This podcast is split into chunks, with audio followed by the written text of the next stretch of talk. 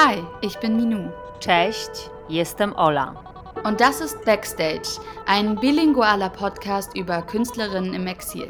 To jest dwujęzyczny podcast pod tytułem Backstage Kilka dziewczyn i teatr.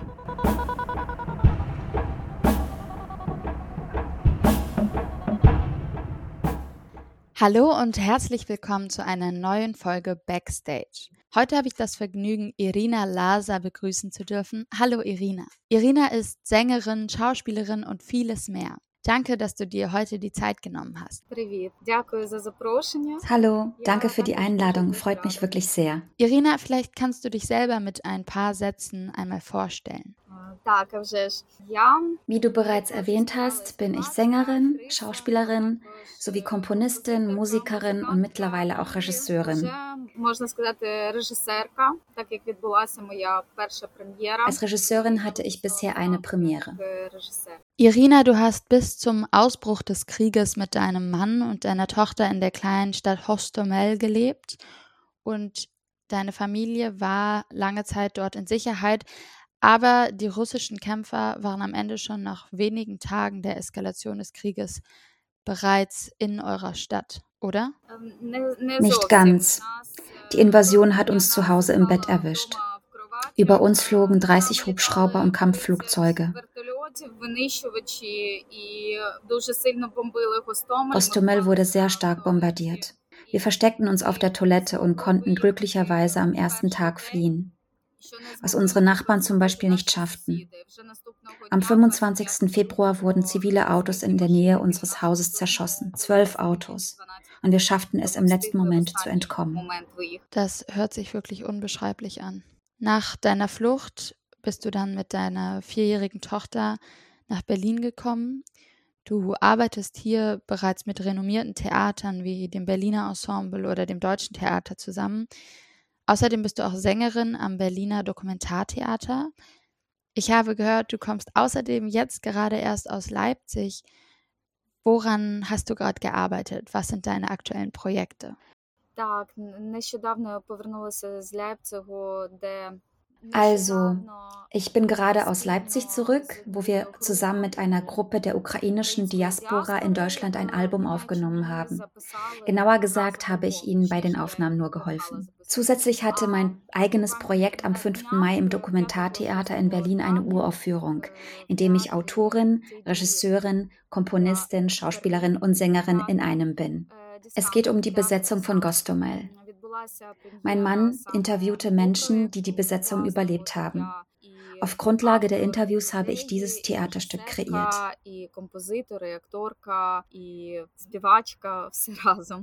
Dein Mann ist ja auch Künstler. Er ist Filmregisseur, Musiker und jetzt auch gezwungenermaßen Soldat. Wie geht es ihm zurzeit als Künstler im Krieg, als Künstler an der Front?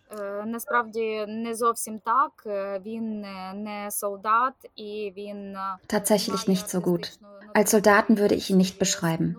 Er hat eine künstlerische Natur und arbeitet für das Kino. Dazu ist er Übersetzer und Professor an der Universität für italienische Philologie. Er beschäftigt sich auch mit Drehbüchern und mit Musik. Aber hauptberuflich ist er Philologe und er befindet sich jetzt nicht im Krieg, sondern beschäftigt sich mit der Dokumentation von russischen Kriegsverbrechen, die gerade in den besetzten und jetzt freigelassenen Gebieten waren. Mhm. Du hast einmal in einem Interview gesagt, dass deine Stimme deine Waffe sei. Was, was meinst du damit und wie benutzt du diese Waffe?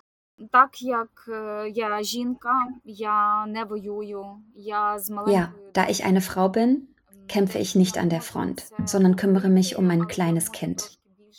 Ich kämpfe anders und kann mit meiner Stimme etwas beitragen, indem ich über meine Kultur und Wurzeln singe und damit alle Ukrainer und Ukrainerinnen vereine, die im Vaterland sind oder zerstreut leben müssen. Das ist eine sehr wichtige Aufgabe, wie ich finde. Ich denke, das ist wirklich interessant, weil du ja vor allem auch ukrainische Volkslieder singst und diese alten ukrainischen Lieder in deinen Performances immer wieder einbaust. Und ich würde sagen, ja, dass die Kunst und Kultur der Ukraine, wie alles, dieser Zerstörung des Krieges und der Aggression des Krieges ausgesetzt sind. Ich meine, die Monumente des Landes liegen heute unter Sandsäcken versteckt. Wie kann die ukrainische Kultur und auch dieses ukrainische kulturelle Erbe heutzutage geschützt werden? Tatsache ist, dass der Krieg nicht am 24. Februar 2022 oder erst 2014 begann. Diesen Kampf führen wir seit Jahrhunderten. Deshalb ist unsere Folklore reich an Themen wie Widerstand, Botschaften und dem Schmerz, den unsere Generationen bereits erlebt haben. Diese Art von Halt ist lebensnotwendig. Die Lieder geben nicht nur Einblick in den gegenwärtigen Kontext, sondern auch in den historischen. Darunter versteht man nicht nur Rituale, Mythen, die weit in der Vergangenheit liegen, sondern auch den zeitlosen Charakter, der den jetzigen Schmerz aller Generationen widerspiegelt. Dieser Zusammenhang passt auch aktuell zur ukrainischen Gegenwart. Und damit bleiben wichtige historische Ereignisse unvergessen. Und der Schmerz, der sich seit Jahrhunderten angesammelt hat und der jetzt auch eine sehr starke Antriebskraft ist. Ja, ja. Vielleicht können wir jetzt ein bisschen mehr über deine Band und deine Kunst sprechen. Mafka.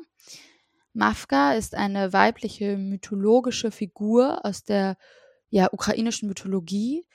Wie oder wer ist Mafka? Mafka ist eine bekannte mystische Figur, die eng mit der Natur verbunden ist. Aber sie ist nicht nur eine Kreatur, die Teil des Waldes ist, sondern ein Mädchen das Bild schön ist. Aber wenn wir sie von hinten betrachten, können wir ihre Knochen und Wirbelsäule und all ihre Organe sehen.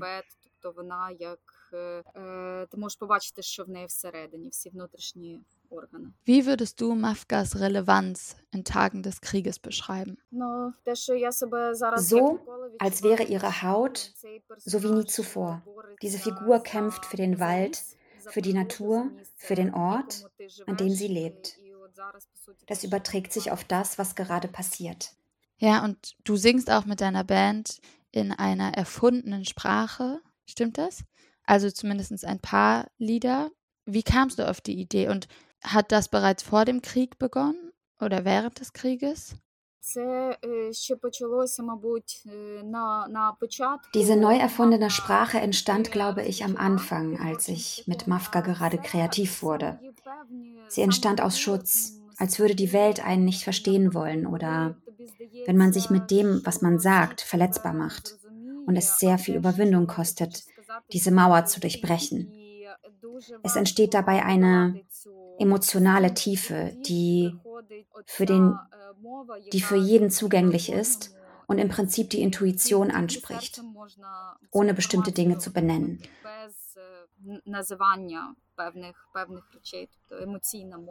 Würdest du sagen, Mafgas Stimme hat sich über das letzte Jahr hinweg verändert? Wenn das kein Zufall ist, wie sich herausstellte, habe ich heute ein Lied gesungen, das ich vor neun Jahren veröffentlicht habe. Das war ein tragischer Abschnitt in meinem Leben, da ich meine Mutter verloren hatte. Das Lied wiederum klingt leicht und sorgenlos. Es ist ein simples Lied über Schmetterlinge.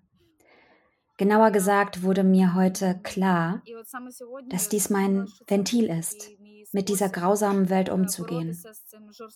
Es war mein Strohhalm, um weiterzuleben, überzuleben. Das ist das Licht, das in mir geboren wurde. Daher konnte ich lange nichts Neues schreiben, da meine kreativen Versuche nicht im geringsten das vermitteln können, was ich in Bezug auf meine Erlebnisse fühle. Also ich habe meine alten Lieder hervorgeholt, die ich in einem neuen Kontext sah. Wenn es vorher nur ein trauriges Lied über die Gefühle eines Mädchens war, über verlorene Liebe, hat es eine neue Ebene gewonnen und es wurde klarer, dass es weiterhin um eine verlorene Liebe geht, die sich aber an die heutige politische Situation richtet. Es hat sich so gefügt, dass diese Idee sich zu dieser Performance entwickelte, die am 5. Mai uraufgeführt wurde. Den neuen Klang meiner Musik zeigte ich dort zum ersten Mal. Der Musikstil von Mafka hat sich mit der Zeit weiterentwickelt. Es begann mit Elektronik, Voice Ambient und leichten Core-Designs und entwickelte sich zum Doom Rock. Es ist ein härterer Stil, der zurzeit mein Gefühl am besten nach außen trägt. Glaubst du, dass die Stimme der Künstler und Künstlerinnen in diesem Krieg Raum hat, gehört zu werden oder am Ende sogar etwas ändern kann? Davon bin ich überzeugt, sonst würde ich dies nicht wagen. Ich bin jetzt wahrscheinlich hier, weil die Hoffnung besteht, etwas zu ändern. Manchmal kommen Leute nach einem Konzert zu mir und sagen, dass ich es bin, der zugehört werden sollte. Und das gibt mir Kraft. Vor dem, was den Menschen in Nachrichten geboten wird, möchte man sich verschließen. Doch jede Kunst schafft es, Herzen zu öffnen und es hilft, darüber zu sprechen, was gerade passiert. Im Moment arbeitest du ja wirklich mit großen Namen der deutschen Theaterbranche wie dem Deutschen Theater oder dem Berliner Ensemble zusammen. Wie fühlt es sich an, mit deiner ukrainischen Stimme in Deutschland auf deutschen Bühnen zu stehen? Ich denke, dass das deutsche Publikum immer noch nicht wirklich offen ist. Und das ist verständlich, weil, weil man sein Leben lebt und versteht, dass man eigene Herausforderungen hat und jeder hat da seinen eigenen Aufgabenbereich. Die Grausamkeit der Eltern gegenüber Kindern, Missverständnisse, Erwachsenwerden, Ökologie, und von allem gibt es zu viel zu verarbeiten. Daher fällt es ihnen schwer, Raum zu finden, was, was Kriegsopfer erlebt haben. Es wird uns Hilfe angeboten und Verständnis gezeigt, doch in solchen Momenten des Teilens ähm, hatte ich bisher die Erfahrung gemacht, dass, dass wir zwei separate Leben führen und Daher sind diese Barrieren auch in der Öffentlichkeit zu spüren. Der Widerstand entsteht zum Schutz, weil es sehr schwierig ist, den Schmerz anzunehmen. Jedoch war es bei diesem Stück das erste Mal, dass es anders war. Das Publikum konnte sich dem Stück öffnen, weil es Musik, viel Humor und Leichtigkeit gab, sodass das Thema Schmerz nicht im Fokus stand. Um wirklich vollständig zu verstehen, was ich meine, sollte man sich die Aufführung ansehen. Jedenfalls spürte ich, dass wir mit dem Herzen mit dem Publikum verbunden waren. Ich freue mich sehr, dass ich das geschafft habe. Derzeit arbeiten ja viele ukrainische Künstler und Künstlerinnen in Deutschland, in Polen, in ganz Europa Hast du das Gefühl, dass gerade vielleicht auch in der ukrainischen Kulturszene viele neue Projekte, neue Themen aufgearbeitet werden und dass unter dieser kulturellen Szene der Ukraine eine neue Kraft herrscht und entsteht? Natürlich gibt es sehr wichtige und interessante Kooperationen, aber darunter gibt es auch welche, die das Thema ausnutzen und leider nur so tun, als wüssten sie, was, das, was es bedeutet. Das ist sehr unangenehm. Viel Profanierung und vor allem in der Arbeit mit Folklore, bei der die Leute leider nicht die entsprechende Ausbildung, Wissen und Talent haben. Das ist spannend, weil viele weitere ukrainische KünstlerInnen haben mir erzählt, dass sie das Gefühl haben, dass gerade ein neuer Moment entsteht oder sich eine neue Frage entwickelt, was die ukrainische Kultur eigentlich wirklich ausmacht. Hast du das Gefühl, dass diese Frage nach der ukrainischen Kultur auch gerade im Raum steht?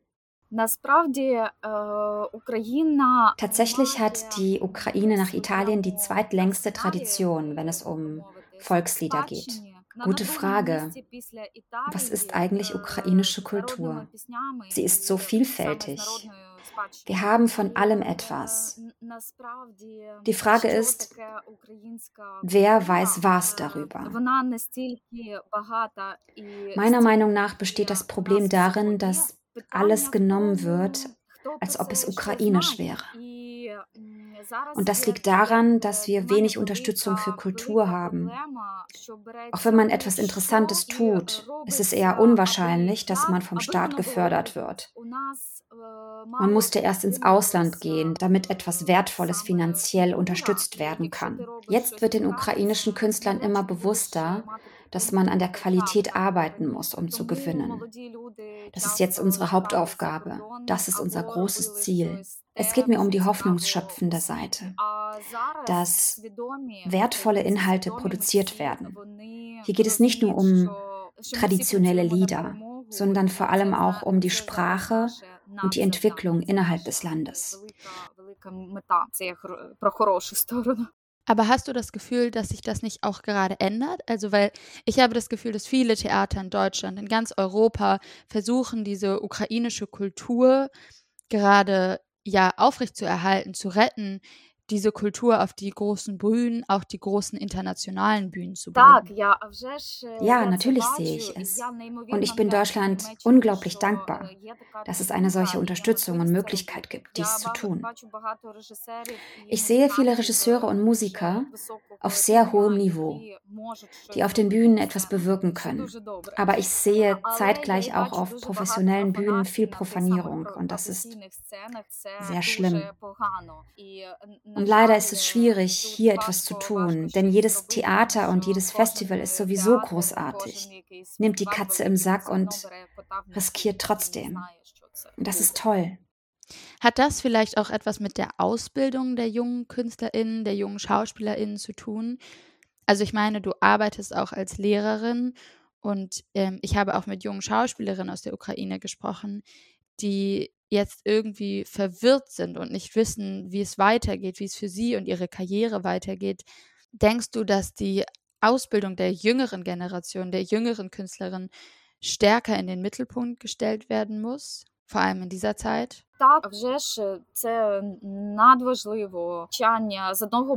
Das ist natürlich extrem wichtig, dass junge Menschen jetzt im Ausland studieren können, um diese Welt zu erleben ähm, neues Wissen mit nach Hause zu nehmen und umgekehrt unsere Sicht von Bildung teilen.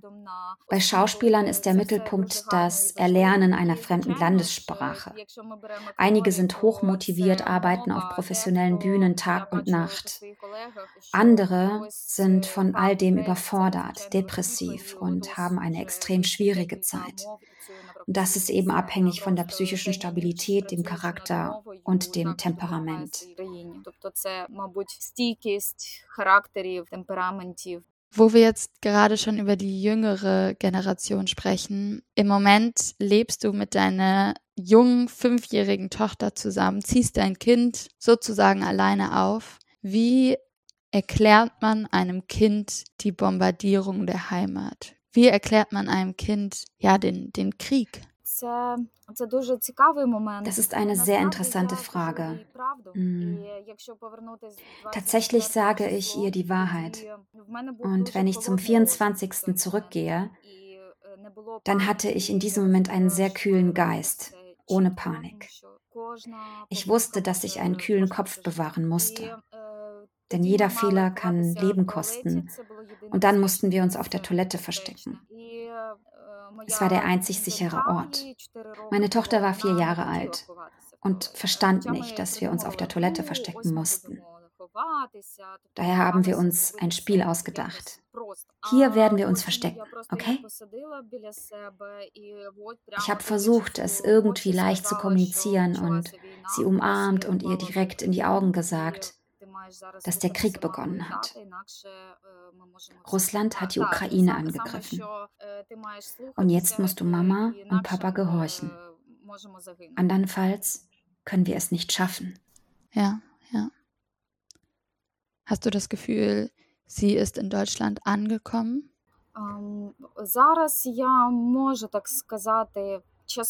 Jetzt mittlerweile schon. Am Anfang weigerte sie sich, ähm, nach draußen zu gehen.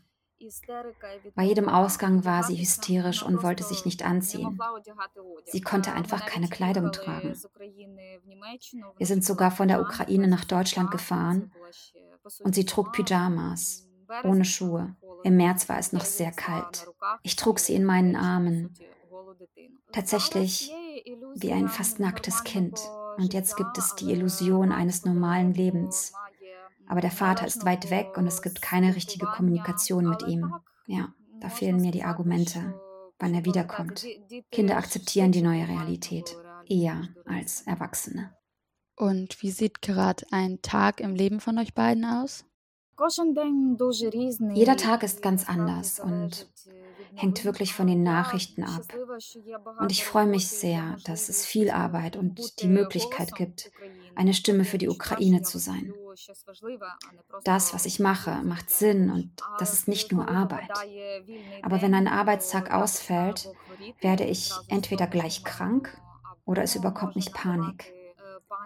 Dann kommen Zweifel hoch und die Hoffnungslosigkeit der Situation. Hm. Das tut mir sehr, sehr leid. Und ich habe das Gefühl, du arbeitest ja wirklich viel. Also du arbeitest an so vielen verschiedenen Projekten und es kommen gefühlt immer neue Projekte dazu. Was steht so in nächster Zeit bei dir an? Den nächsten Monat plane ich in Kiew zu verbringen. Ich habe zwei Aufführungen, die für den ukrainischen Preis nominiert wurden. Oh, was für ein Preis ist das? Das ist der Theater Award Game. Und dann bekam ich ein Stipendium für die Zusammenarbeit in einer Bibliothek in Berlin. Also bis Ende des Jahres müssen wir gemeinsam verschiedene Projekte entwickeln. Das sind Konzerte und Lesungen für Kinder und einige Schulungen für Erwachsene und Kinder. Vieles interessante Ideen, äh, die ich schon habe.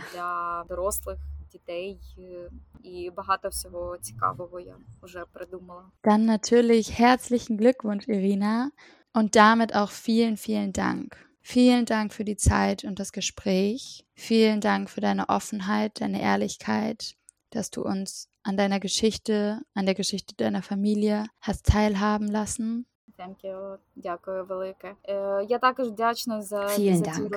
Ich bin auch sehr dankbar für dieses Gespräch und für die Unterstützung ukrainischer Künstler und Künstlerinnen und jeder Information darüber, was mit uns und der Ukraine passiert. Es scheint mir ein sehr großer Beitrag zum Sieg zu sein und ich denke, dass wir das jetzt auf der ganzen Welt gemeinsam tun müssen. Danke. Vielen Dank fürs Zuhören. Dziękujemy, że byliście z nami. Jeżeli chcecie się dowiedzieć więcej o projekcie i artystkach, z którymi rozmawiamy, sprawdźcie nasz Profil na Instagramie. Link do Profilu znajdziecie w opisie. Wenn ihr mehr über das Projekt und die Künstlerinnen erfahren wollt, checkt gern unseren Instagram-Kanal aus. Den Link findet ihr in der Beschreibung. Der Podcast ist Teil des Projekts Kilka Dziewczyn i Theatre, organisiert durch die On-Off Association und dem Hotel Continental Art Space in Exile. Podcast powstaje jako część projektu Kilka dziewczyn i teatr, organizowanego przez Stowarzyszenie On Off we współpracy z Hotel Continental Art Space in Exile. Projekt realizowany jest dzięki wsparciu Fundacji Współpracy Polsko-Niemieckiej i jest dofinansowany ze środków Ministerstwa Spraw Zagranicznych Republiki Federalnej Niemiec. Gefördert wurde Backstage außerdem durch die Stiftung für deutsch-polnische Zusammenarbeit und kofinanziert vom Auswärtigen Amt. Vielen Dank für die Unterstützung und Zuhören. Bis zum nächsten Mal. Dzięki za wysłuchanie i do następnego razu. Vielen Dank. Dzięki.